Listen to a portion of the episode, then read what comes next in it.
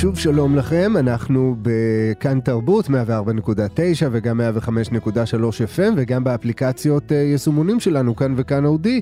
אתם אה, מצטרפים אלינו לעוד תוכנית של שלמות ואנחנו כבר בסשן השישי שלנו בסדרת המיינדפולנס. ואני מארח כאן שוב את אה, סמדר יהודה גזית, פסיכולוגית קלינית המשלבת מיינדפולנס בעבודה הטיפולית שלה. שלום סמדר. אהלן. תקשיבי, אני חייב אה, להודות שמאז המפגש האחרון שלנו לא לגמרי הצ... הצלחתי לשחרר את העניין הזה. דיברנו על אה, תזונה, כן? על התזונה של ה mind, ואז שאלתי אותך לקראת סיום, אוקיי, יש את התזונה שממנה צריך להימנע, כמו בכל תפריט תזונתי שאנחנו מכירים, אבל מה עם התזונה המומלצת? ואז דיברת כסוג של פרומו למה שאנחנו הולכים לדבר עליו היום, על שני, אה, נקרא לזה מרכיבים עיקריים, כן? שכדאי לכלול בתזונה החיובית של ה mind, שזה אה, קבלה וחמלה. אז כבר אז אמרתי שחמלה זה משהו שאני יכול להתחבר אליו, אני לא תמיד אה, מצליח אה, ליישם, אבל אה, יכול להתחבר לזה. העניין של הקבלה פשוט לא, לא, לא הניח לי, כי יש משהו נורא תבוסתני, כן, זו מילה קשה נורא, אבל תבוסתני בקבלה, כי כל אחד מאיתנו היה באיזושהי סיטואציה שמשהו באמת לא נעים קורה. אני לא מדבר על אסון, כן, אבל משהו לא נעים קורה, וזה יכול לבוא אחרי רצף של אירועים אה, שקרו לך לאורך היום, ואתה כבר מלא בעצבים, ואתה יודע מה, לפעמים אתה אם זה, לא יודע, נמצא באיזשהו חלל סגור כזה, כן, שכולם שותפים לאותו גורל, אם זה אוטובוס או מטוס או משהו מהסוג הזה, משהו מתעכב ומשהו מתקלקל, אה, שכולם גם שותפים לאותה תחושה. אתה רואה אנשים מתעצבנים סביבך, זה נותן לך חיזוק שהתחושות שלך לגיטימיות, ותמיד איפשהו יש את הבחור הזה או הבחורה הזאת שכנראה אגב עושים מיינדפולנס שמחייכים כמו דבילים והם כזה כן אז מה זה קרה מה אתה מתעצבן? ובא לך לחנוק אותם. מה זאת אומרת? אני לא אשלים עם העניין הזה. איך אני מיישם קבלה? איך עושים את זה? זה נשמע נורא לא ישים. אני נוטה להסכים איתך. יש בזה משהו שהוא כמו נוגד את הנטייה הטבעית. וזאת נקודת מוצא מצוינת, להיות ערים לנטייה הטבעית, להיות ערים לאוטומט. ובאמת, אתה יודע, בין המפגש הקודם למפגש הזה, כנראה עשית שיעורי בית, וניסית, בהם, ניסית כן. ל, ל, להפעיל את הכפתור הזה של הקבלה, וכנראה מה שגילית זה שזה ממש לא הדבר שמבחינתך בא לך טבעי. לא, זה בדיוק ההפך. בדיוק ההפך. כלומר, אתה אומר, יש נטייה להיאבק במה שקורה. ואני חושבת שזאת מילת מפתח שתעזור לנו להבין יותר את האישו של הקבלה.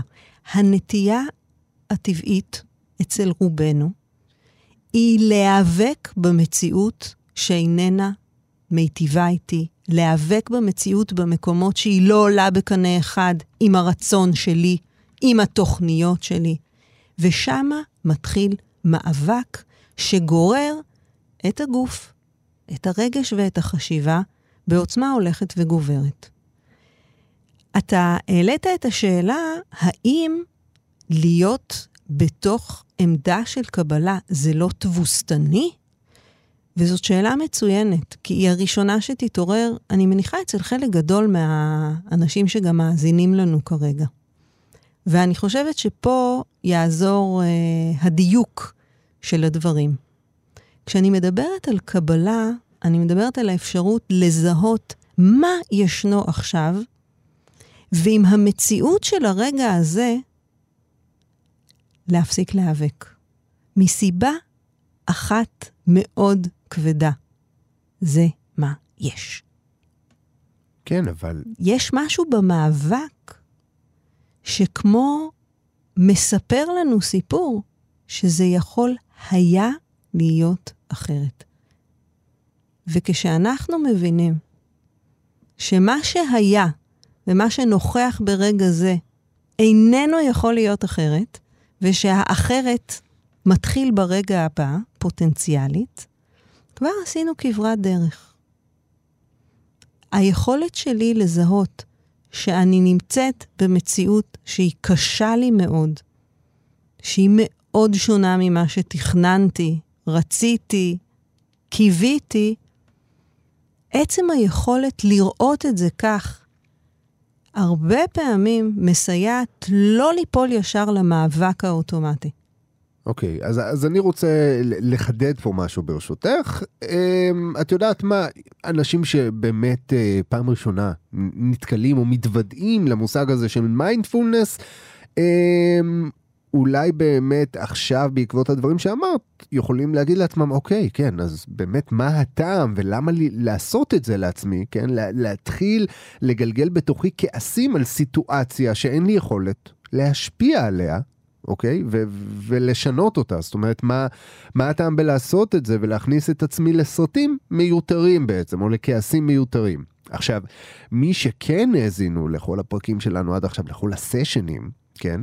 אה, או חברים שתרגלו מיינדפולנס ברמה היומיומית בקטנה, יכולים להגיד, אוקיי, את יודעת מה, אנחנו שם. זאת אומרת, אנחנו באמת, אם פעם היינו מתרכזים על כל שטות, כן, שאין לנו שליטה עליה, אבל היינו מתרכזים וזה היה מחרבן לנו את היום, אז הגענו באמת למין מקום של אה, מודעות, כן, אנחנו שמים לב יותר לעניין הזה, ובאמת שמים לב שהתחושה שלנו משתנה. עכשיו, את תיארת את זה כסוג של מאבק, בעצם הנטייה שלנו להיאבק במציאות שאין לנו שליטה עליה, בסיטואציות שאין לנו שליטה עליהן, ואני אומר, לפעמים, אני עם כל המודעות, כן, ה... הלא מעטה, אבל כנראה עדיין מוגבלת שלי, אומר לעצמי, אני, אני לא באמת מנסה להיאבק רציונלית וגם מעשית, אני יודע שאין לי מה לעשות נגד זה. אבל איפשהו חשוב לי להביע מחאה. לא להיאבק, אבל למחות. על זה שקרה כך וקרה כך, וזה עכשיו דופק לי את היום, דופק לי אה, משהו מאוד חשוב, וזה מרגיז אותי, ואני רוצה למחות. אני רוצה שתהיה לי את הלגיטימציה למחות, כי אני מרגיש שזה משחרר אצלי משהו. מעולה. אני רוצה להגיד לך גם שבעיניי, הרבה מאוד uh, אנשים שמתרגלים מיינדפולנס ושאותה איכות של מודעות ותשומת לב שמתפתחות בתרגול, הן uh, מאוד מפותחות אצלם. הם אנשים שהם מאוד אקטיביסטים ועוסקים לא מעט במחאה, בתחומים חשובים ורבים ש- של הכלל. Mm-hmm. הנקודה היא לא מה תעשה, אלא איך תעשה. ומה מתרחש במרחב הפנימי. דהיינו, אם קורה משהו מאוד לא נעים, אתה מתעכב על המטוס עם uh, תינוק קטן, בוכה וחם, וממש, uh, אני לא אפליג עוד בתיאורים. אפשר מיד להצטרף לקהל הזועם, ולהיות גואליים אחד לשני, או לצוות, ולקלל, ו... ו- ולהרגיש שכל הבפנים שלי בוער וכועס וזועם. אלטרנטיבה שבעיניי מאוזנת יותר, היא להקדיש את הרגעים הראשונים כשאנחנו נאלצים להיווכח במצב, לתשומת לב למה שקורה לנו, להכרה באי הנוחות הגדולה שנכפתה עלינו. היכולת להיות עם זה כפי שזה, ואז לבחור כיצד לפעול. כלומר, במידה רבה הדבר שאני מדברת עליו הוא לא קבלה כמצב צבירה מתמשך בלתי נגמר, אלא אל מול איזושהי מציאות לא נוחה, להתחיל מלתרגל קבלה, וברגע שהרגשנו שמשהו בסערה הפנימית שקט, במידת מה, מתפנה לנו מרחב. המרחב הזה הוא החופש, הוא דרגות החופש בבחירת התגובה. ובהחלט יש היגיון בכך שננסה לפעול, למחות, לשפר את המצב, אבל לא נעשה את זה באופן שהוא ריאקטיבי, הוא תגובתי, הוא מה שנקרא, מה, מהמצב הלא נעים, ישר אני יורה את החיצים. אלא יש איזה תווך פנימי שאתה עוצר בו, כמו מחשב מסלול מחדש, נותן לעצמך להתרגל במידת מה לסיטואציה הלא נעימה, ורק אז בוחר באופן יותר צלול את האופן שאתה מגיב. אוקיי, okay. כי בוא נגיד, כשאת אומרת אה, אה, בוחר, כן, להסתכל על, ה, על הסיטואציה הלא נעימה שנכפתה עליך, ובאמת להכיל את זה באיזשהו אה, מרחב מסוים, שמרחיק אה, בין אה, הרגע שבו נקלט על הסיטואציה לבין הריאקציה, כן, התגובה האוטומטית שלך. אה, אני תוהה מה קורה לתלמידי מיינדפולנס מצטיינים, כאלה שכבר באמת אותו, אותו מרחב אה, הופך להיות ממש מרחב גדול מאוד, כלומר שיהיה להם מאוד מאוד קשה לפרוץ אותו, שהם מסוגלים להכיל את הסיטואציה. מה זה עושה לצד הפעיל שלהם? כי ברגע שאתה הופך להיות סוג של אה, זן כזה, כן? או איזשהו כד אה, או בור ללא תחתית שיכול להכיל פשוט הכל. אתה איפשהו, אולי אפילו באופן לא כל כך מודע, אה, פוגע או מנטרל או מעקר את ה... בכלל, אה, אני, אני לא אגיד את היכולת, כן? אבל בכלל את ה... את האינסטינקט הזה שיש לכולנו לנסות ולחלץ את עצמנו מתוך המצב הזה. האם זה לא פוגע באקטיביות שלנו כדי לסיים את הסיטואציה, אם אנחנו מכילים אותה כל כך טוב? זה כבר לא משנה אם אני נמצא במטוס ממוזג אה, עם שקט מופתי, או אם אני נמצא במטוס אה, דחוס עם תינוקות בוכים. אני חושבת שעצם השאלה הזאת היא שאלה חשובה לאנשים שמתוודים למיינדפולנס, והיא מתעוררת גם נוכח... אה, בוא נגיד, אה, המלצות נוספות, כמו בכלל, ת, תשים לב לרגע הזה, תהיה בנוכחות מלאה יותר. הרבה אנשים יגידו, מה, אם אני אתחיל להיות בכל רגע, אני אשים לב, זה, אני לא יכולה לעשות שום דבר בחיים. בוא נגיד שעבור רובנו, המצב ההיפותטי הזה הוא איננו בר השגה. כולל המצב של אותו אדם ששרוי במצב של הכלה אינסופית, אה, עד כדי כך שהוא מפסיק לפעול. הדרך לשם ארוכה. ועם מספיק תשומת לב, אתה תבחין כשאתה אולי חלילה מתקרב לשם, ותוכל להחליט שאתה עוצר. תוכל מדי פעם להתבונן ולהגיד, וואלה, המיינדפולנס הזה כל כך חדר לנימי נשמתי, שממש הפכתי לאדם לא מספיק פעיל ולא... אז תעצור שם.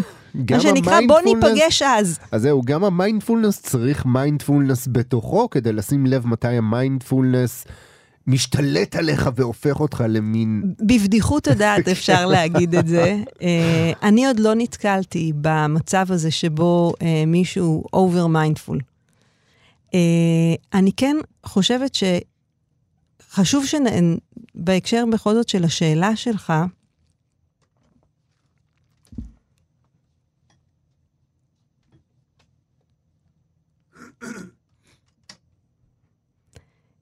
יש שיר של uh, משורר סופי בשם רומי. גומי. רומי. רומי. משורר okay. אוקיי. בשם רומי. אוקיי. Okay. הוא היה פרסי, הוא okay. אוקיי. כתב בפרסית עתיקה, ככל הנראה במאה ה-13, ושיריו התגלגלו אה, באורך אה, נס מבורך ותורגמו לאנגלית, וחלקם גם תורגמו לעברית. יש לו שיר נפלא שנקרא The Guest House. אוקיי. Okay. בית האורחים. ובו הוא בעצם אומר, להיות אנושי, להיות אדם, משמעותו להיות מלון אורחים. אוקיי. Okay. בכל בוקר מגיע אורח חדש, הוא אומר, לפעמים שמחה ולפעמים עצב, לפעמים איזה רוגז או רשעות, שזה בושה שפתאום באה. לפעמים גם יש איזה חבורות של שודדים מתפרעים שמרוקנות את הבית. והוא מתאר את האפשרות לקבל אותם, הוא אומר בסבר פנים יפות, להבין שזה חלק ממי שאנחנו. עוברים דרכנו הרבה מאוד אורחים. גם רוגז הוא אורח, וכשאנחנו מתייחסים יותר מדי ברצינות לרוגז של עצמנו, ובהזדהות יתרה, הרי במטוס שם אנחנו יושבים ואנחנו מלאי צדקה עצמית, ושכנינו, גם הם, ויחד יש מטוס מלא צדק. ברור, רק רציתי להגיע לרומא. למה מגיע לי כל הגהנום למ... הזה? למה יש תקלות בעולם הזה? וה... ולמה הן קורות לי? כולן קורות לי. וכל הדבר הזה יושב על נטייה להזדהות עם מחשבות שיש לנו. יש לך מחשבה שזה קורה לך. זה לא קורה רק לך, יש הרבה אנשים שקוראים להם דברים אפילו פחות נעימים, אבל אפרופו תזונת ה mind, כשאני מאכילה את עצמי במחשבות של קורבנות, צדקת הדרך, מחשבה של כמה גורלי אכזר, אני מייצרת מצב כולל גוף, רגש, מחשבה, שהולך ומדרדר אותי. לעומת האפשרות המאוד עדינה הזו של לייצר מפגש מפויס יותר עם המציאות. ככה זה עכשיו. ואז לשאול את השאלה, מה הדבר הנכון עבורי כרגע? מה אני יכול לעשות כרגע? מה אני בוחר לעשות כרגע? רומי אומר על זה, קבל את מה שישנו בסבר פנים יפות, כי זה יאפשר לך גם את המשך ההתנהלות בתוך בית האורחים הזה, שהוא אתה. ואני חושבת שהשיר הזה, הוא עוזר אולי לחדד את טיב התחושה. איך בדיוק זה מרגיש כשאנחנו בקבלה? לא, זאת לא כניעה. לא, זה לא עידוד של הפסיביות. הרעיון הוא להפחית מאבק שלא רק שאין בו ערך, אלא הוא פוגע בנו, ולהגביר את המרחב הפנימי שיוכל לאפשר לי לבחור בכיוון יותר מיטיב. אוקיי. יש עוד משהו שאפשר לעבור לתרגולו, או שיש כן. עוד פינה? אוקיי.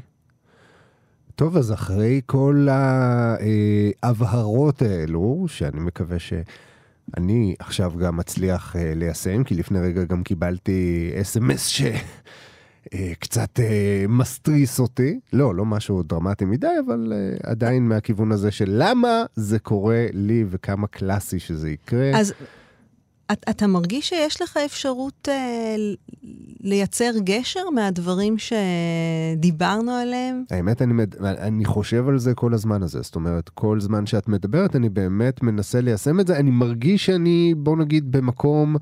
אה, במקום קצת אחר, זאת אומרת, כזה שיכול באמת לנסות בכלל לגשת וליישם את זה, כי לפני שנפגשנו היום למשל, או אם נניח לא היה מסתדר לנו להיפגש היום, עדיין כנראה הייתי מקבל את ההודעה הזאת, והייתי מאוד מתקשה להכיל אז, אותה. אז, אז אני רוצה אה, ככה להציע עוד נדבך מאוד מאוד חשוב, בגלל שיש לך כרגע ממש על השולחן מונח הנתח הזה, כן. שאתה יכול להחליט איך אתה אוכל אותו, אוקיי? אז לפני שאתה מתחיל לאכול את הנתח הזה, כלומר, מתחיל לעסוק ב-SMS ובמשמעויות, בוא תיקח רגע להרפות את הגוף. ממש תשים לב שאתה מרפה את שרירי הפנים ואת חגורת הכתפיים, שאלה שני מקומות שבאופן מאוד אוטומטי נדרכים כשאנחנו צריכים להגיב או לפעול. נסה לקחת כמה נשימות עמוקות יותר, וזה יהיה הבסיס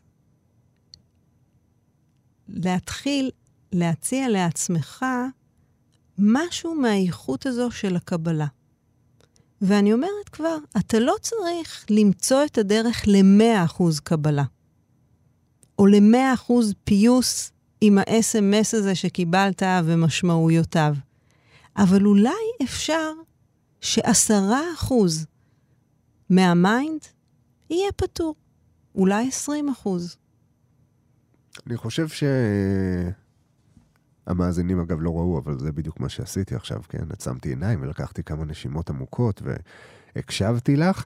ואני חושב שמה שנעל את העניין הזה אצלי זה באמת אה, עניין האחוזים שדיברת עליהם עכשיו. כלומר, אם הייתה לי איזושהי ציפייה, כמובן טבעית, כי אני גם ביקורתי כלפי עצמי, אמ, זה בעצם לקחת את כל מה שאמרת במפגש היום ובמפגש הקודם וליישם את זה מ-0 ל-100 אבל גם אם יישמת את זה ב-10 ו-20 שזה מה שהרגשתי, זאת אומרת, הרגשתי שאני עושה משהו, אבל זה כאילו לא מספיק כמו שזה כנראה אמור להיות, ואז החזרת אותי עם זה למקום, ועכשיו אני מרגיש הרבה יותר בנוח עם זה שה-10-20 האלה שהצלחתי להשיג, הם גם משהו, והם בהחלט עושים עבודה. ואני מודה לך שהנחת את הבסיס לסשן הבא שלנו, שיעסוק בנושא של השיפוטיות. שכמובן, אתה אומר, אני רציתי 100%, והרגשתי שזה לא קורה. אני לא מבין את הנושא הזה של הקבלה. אבל פתאום, בתוך ה... רגע, אם בעשרה אחוז אתה יכול קצת להרפות, אה, אז זה בסדר. כלומר, אתה בעצם כל הזמן מסתובב עם איזה סרגל, אתה מודד את עצמך, מקבל באזר שלילי כזה. גם בהקשר הזה, ונרחיב על זה בפעם הבאה, יש לנו הרבה fine tuning לעשות, כדי לצמצם את המזון הרעיל שאנחנו מזינים בו את ה mind שלנו. טוב, אז הנה, אנחנו ניגשים לתרגול, שיהיה בשבילי תרגול, אה, בסך הכל הכללי כבר תרגול וחצי, כי כבר הספקתי לתרגל פה מעולה. כמה נשימות. אז אני מיד אה, אצלצל במצילות. אני, בשונה מתרגולים אחרים בסדרה, הפעם אני אקריא במהלך התרגול שיר, אותו שיר שהתייחסתי אליו אה, במהלך השיחה שלנו, של אה, המשורר הסופי בן המאה ה-13, ששמו רומי. אה, זה שיר שמניח לנו מצע מאוד מאוד אה, פורה לתרגל קבלה. אז uh, כל אחד יראה אם uh, בזמן ההקראה זה מתחבר בשמחה, ואם לא, פשוט uh, להמשיך את התרגול עם הנשימה. אפשר לתת למילים לחלוף על פני uh, אוזנינו.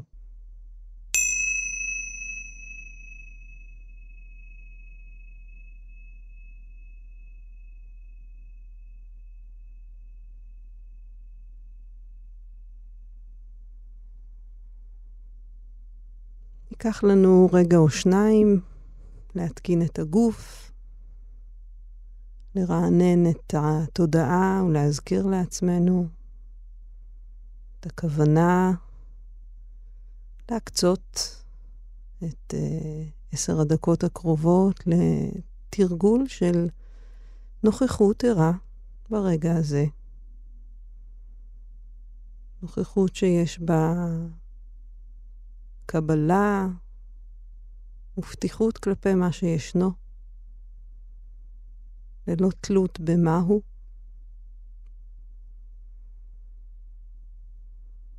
נשים לב לתנוחת הגוף כעת. נשים לב לתמיכה שיש לו מן האדמה והמושב שעליו אנחנו יושבים.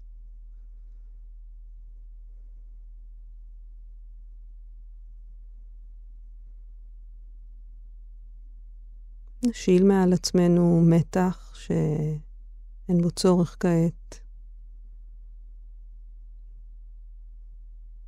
אם זה בגב, באזור הפנים, אולי המצח מעט מכווץ.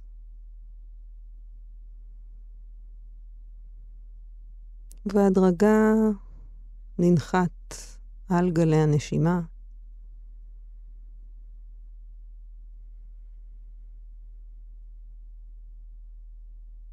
נזכיר לעצמנו שבדקות הבאות אנחנו מתכוונים לפגוש את הדברים כפי שהם, בלי לנסות לעצב אותם, לתקן אותם. לפגוש ממקום סקרן, ידידותי אם אפשר, את מה שמביאים איתם רגעי המציאות.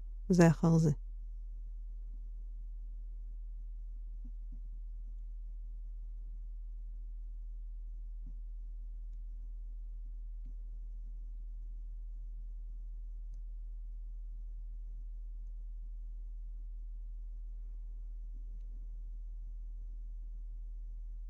להיות אנושי זהו בית הערכה. בכל בוקר מגיע אורח חדש. שמחה, דיכאון, רוע לב, מודעות רגעית מגיעה כאורחת בלתי צפויה. קבלו את פניהם וערכו את כולם. אפילו אם הם המון של תוגות, השוטפות באלימות את ביתכם, ומרוקנות אותו מרהיטיו, עדיין, נהגו בכל אורח בכבוד. אולי הוא מפנה אצלכם מקום לשמחה חדשה. המחשבה הקודרת, הבושה, הרשעות, פיגשו אותם בפתח בצחוק, והזמינו אותם פנימה. הוקירו תודה לכל הבאים, כי כל אחד מהם נשלח כמדריך מהעולם שמעבר.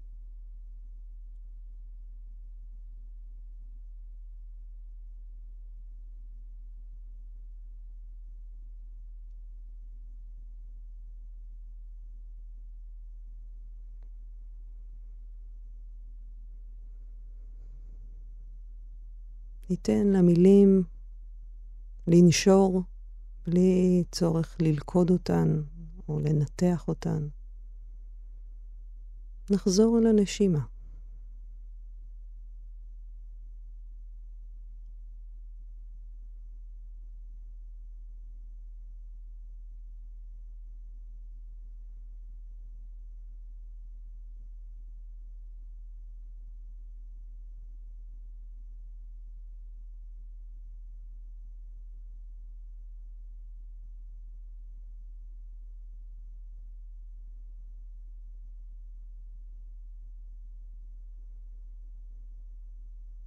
נרפה עם כל נשיפה.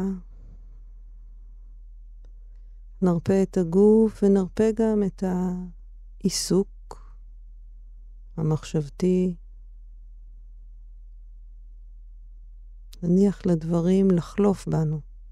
מחשבה, זיכרון, תמונה. תן להם לחלוף כמו על סרט נע.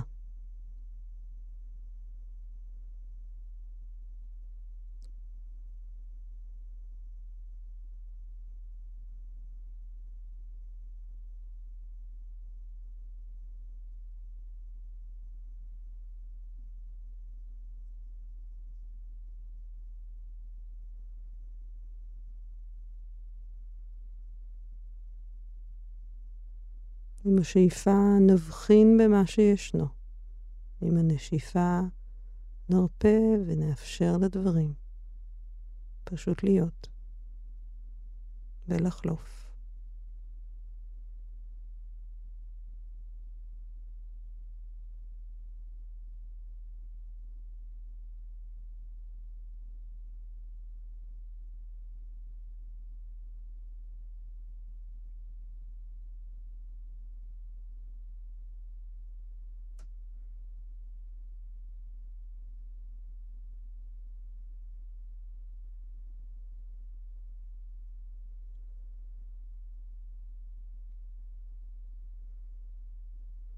אם נזהה שאנחנו נאבקים במשהו, עסוקים בלשנות, לשפר,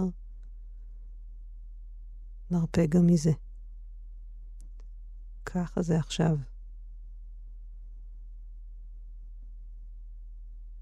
כל פעם אורח אחר.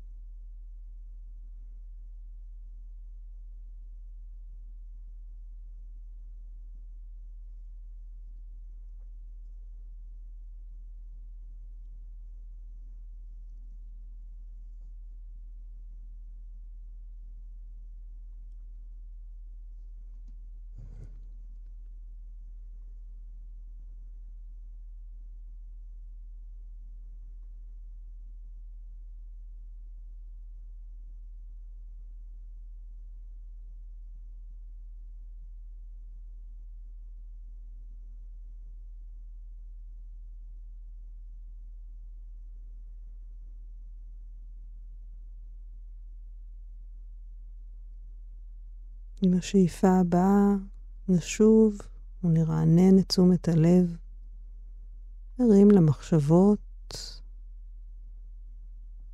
נרים לרגשות, ושבים והוגנים בתחושות הגוף, בחוויית הנשימה.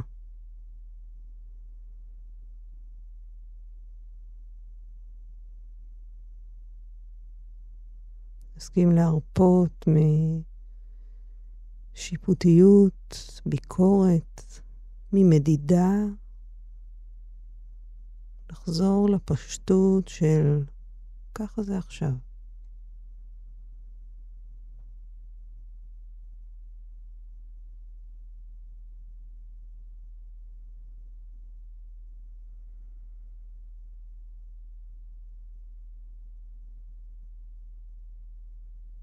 נעזר בנשימה כדי להרפות אל תוך הרגע הזה.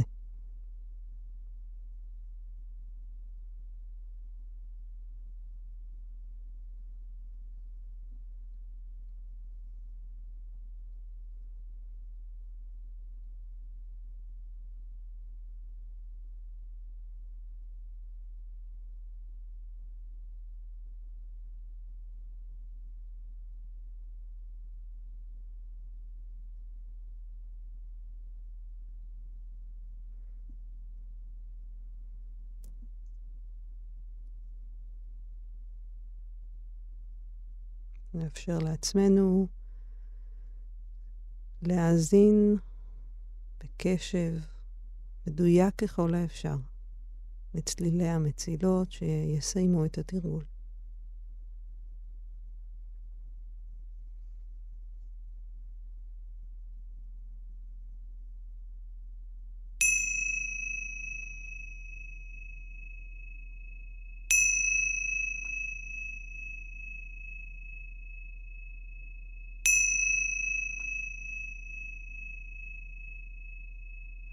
טוב, אז זה הצליל החותם אה, את המפגש השישי שלנו.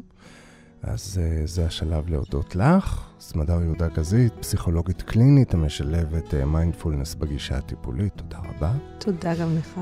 תודה רבה גם לכם שהייתם איתנו במפגש נוסף. אתם מוזמנים להאזין לו שוב יחד עם כל התרגולים והמפגשים הקודמים בסדרה הזאת של מיינדפולנס. בעמוד ההסכתים שלנו בכתובת www.kan.org.il/פודקאסט או באפליקציות יישומונים שלנו כאן וכאן אודי. אנחנו נשתמע כאן במפגש נוסף. עד אז תרגישו טוב ולהתראות.